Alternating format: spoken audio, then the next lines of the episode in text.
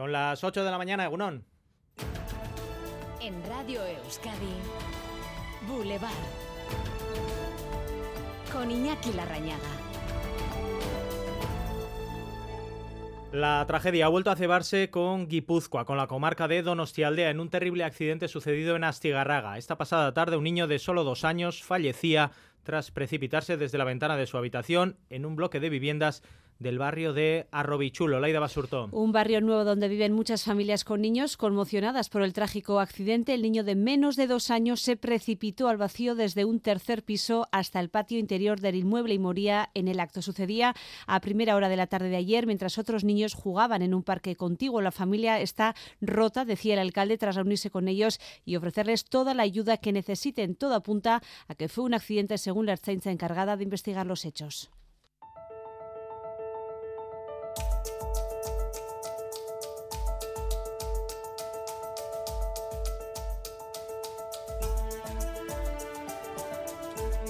Es jueves de puentes, 7 de diciembre, mucho viento en Vizcaya, así que eh, precaución, está activado el aviso amarillo hasta las 3 de la tarde por vientos que van a superar los 100 kilómetros por hora. Atención especialmente si van a circular por las carreteras de territorio vizcaíno.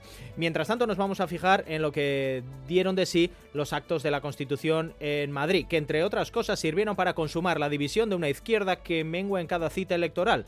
Podemos, por un lado, sumar por otro el anunciado divorcio que va a tener eco también en Euskadi. Ambos espacios intentan blindarse de cara a las autonómicas. El Carrequín reclama autonomía en su decisión y que prevalezca su marca. Y desde Sumar Mugimendúa tienden la mano, sí, pero recuerdan que ahora que hay divorcio en Madrid, los términos de las negociaciones han cambiado. Yone Belarra, secretaria general de Podemos, Lander Martínez, diputado de Sumar cada dirección autonómica tiene autonomía para poder decidir el acuerdo que considere más útil. No hemos cambiado de opinión en, en este sentido. Seguimos pensando que es necesaria una coalición amplia y sólida para nuestro espacio progresista en Euskadi y en eso vamos a trabajar.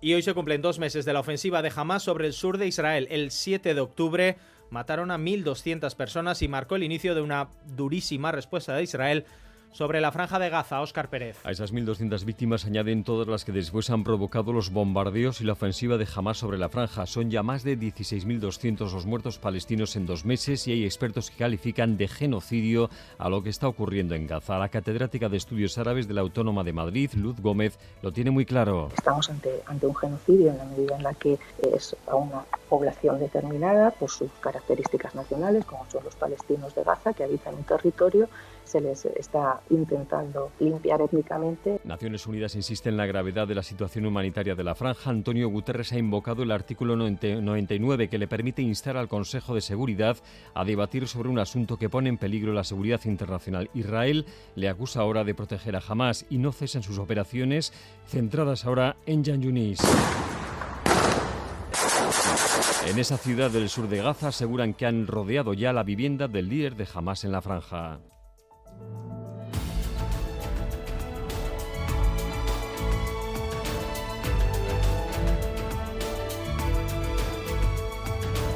Y Durango Coasoca, que ya ha arrancado su edición número 58, lo hizo con una primera jornada multitudinaria de Armenchaca. El epicentro de la producción cultural vasca congregó a miles de visitantes en Landako Gunea en el primero de los cinco días de Azoka. Los y las artistas se muestran satisfechas del exitoso arranque. La feria es algo esencial, es un eje dentro de lo que es la producción editorial. La verdad es que es impresionante. Hay un montón de gente ahora, la gente estaba haciendo cola incluso antes de abrir y es que me parece impresionante hacer algo tan bonito. Jendea oraindik etortzen da sinaduraren bila, etortzen da argazkiaren bila. Orokorrean edutukin nola harreman askorik irakurleagaz. Eta pena baten doz, así que me gustako jata niri haulango puntos de encuentro que hay Este año una soca con cerca de un millar de novedades literarias y musicales con el lanzamiento de álbumes eh, de grupos como Z, con el estreno del libro de la mano de Irulegui, entre muchos otros. Desde Gerediaga Alcartea, en la presentación oficial de la feria, destacaron la importancia de la transmisión de la cultura a los jóvenes, necesario para la Durango Coasoca, dicen.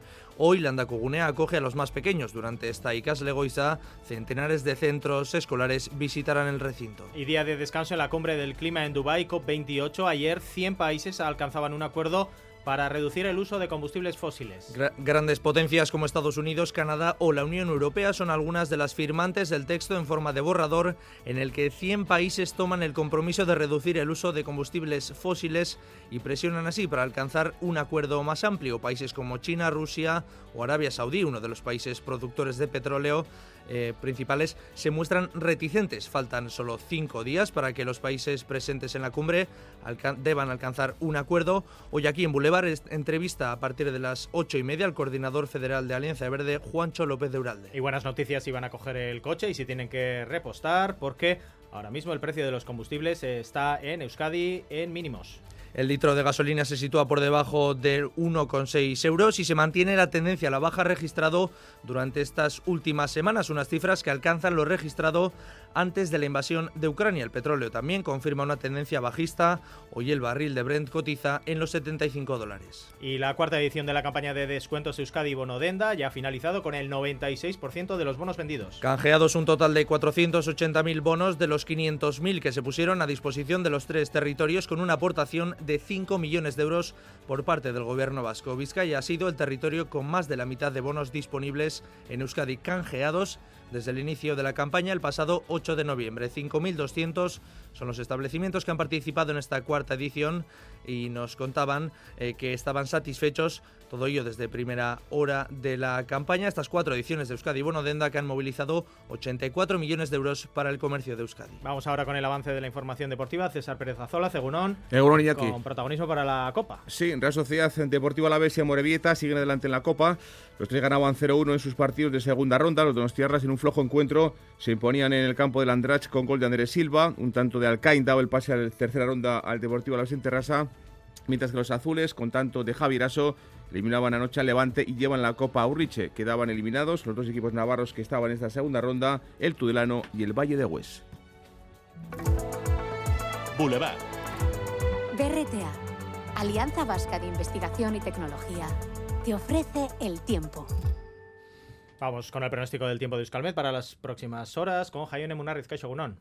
Caixogunón, hoy el paso de varios sistemas eh, frontales dejarán lluvias, sobre todo durante la tarde. Durante la mañana, con un viento del suroeste bastante molesto, sobre todo en Vizcaya, nos alcanzará un frente cálido, dejando lluvia a su paso, lluvia débil y esporádica en general, pero por la tarde el viento del sur irá perdiendo algo de fuerza y nos alcanzará un frente frío y con este frente ya los chubascos van a ser más frecuentes y más abundantes, sobre todo en la vertiente cantábrica. Las temperaturas se subirán algo en la vertiente cantábrica mientras que apenas variarán o bajarán ligeramente la vertiente mediterránea.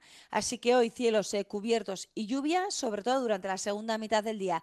Y mañana viernes eh, los chubascos tendrán continuidad y serán frecuentes, sobre todo en el norte. En la vertiente cantábrica serán los protagonistas de la jornada, sobre todo por la mañana, cuando podrían ser localmente algo más intensos. En cambio, en el sur de Álava y Navarra serán poco probables las precipitaciones. A estas horas las temperaturas siguen estancadas en Pamplona en solo 2 grados en Vitoria en 6 y una importancia diferente, eh, una importancia, eh, una diferencia grande con lo que nos podemos encontrar en la costa, especialmente en Bilbao, que alcanza ya los 14 grados, en Donostia, de momento 11 grados de temperatura. Egunon, elgean irurado eta odeixu. Egunona, agur. Egunon, bermion, amabos grado, eixean dizedau, ondo izan. Egunon, karrantxan amabi gradu, Agur.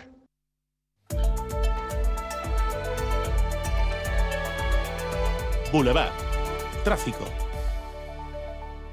Actualizamos la información de tráfico. Begoña de Ronsoro, Egunon. Egunon. Continúan presentando problemas a estas horas esos dos puntos de los que les venimos hablando esta mañana. Por un lado, precaución todavía en la Guipúzcoa 627 en Malzaga en sentido Soraluce, donde un vehículo se ha salido de la calzada y ha volcado después. Además, un segundo turismo se ha visto implicado en el accidente. A estas horas, la grúa está trabajando para retirar los vehículos accidentados. La persona que conducía el vehículo y que ha volcado ha resultado herida y ha sido trasladada al hospital de Donostia y ya hay retenciones de medio kilómetro en este punto. Y precaución también todavía en la AP8 en Herrentería en sentido Bilbao porque hay un vehículo averiado que continúa ocupando parte de un carril. En la dirección técnica Yayo Mejón y Beatriz Leal, comenzamos.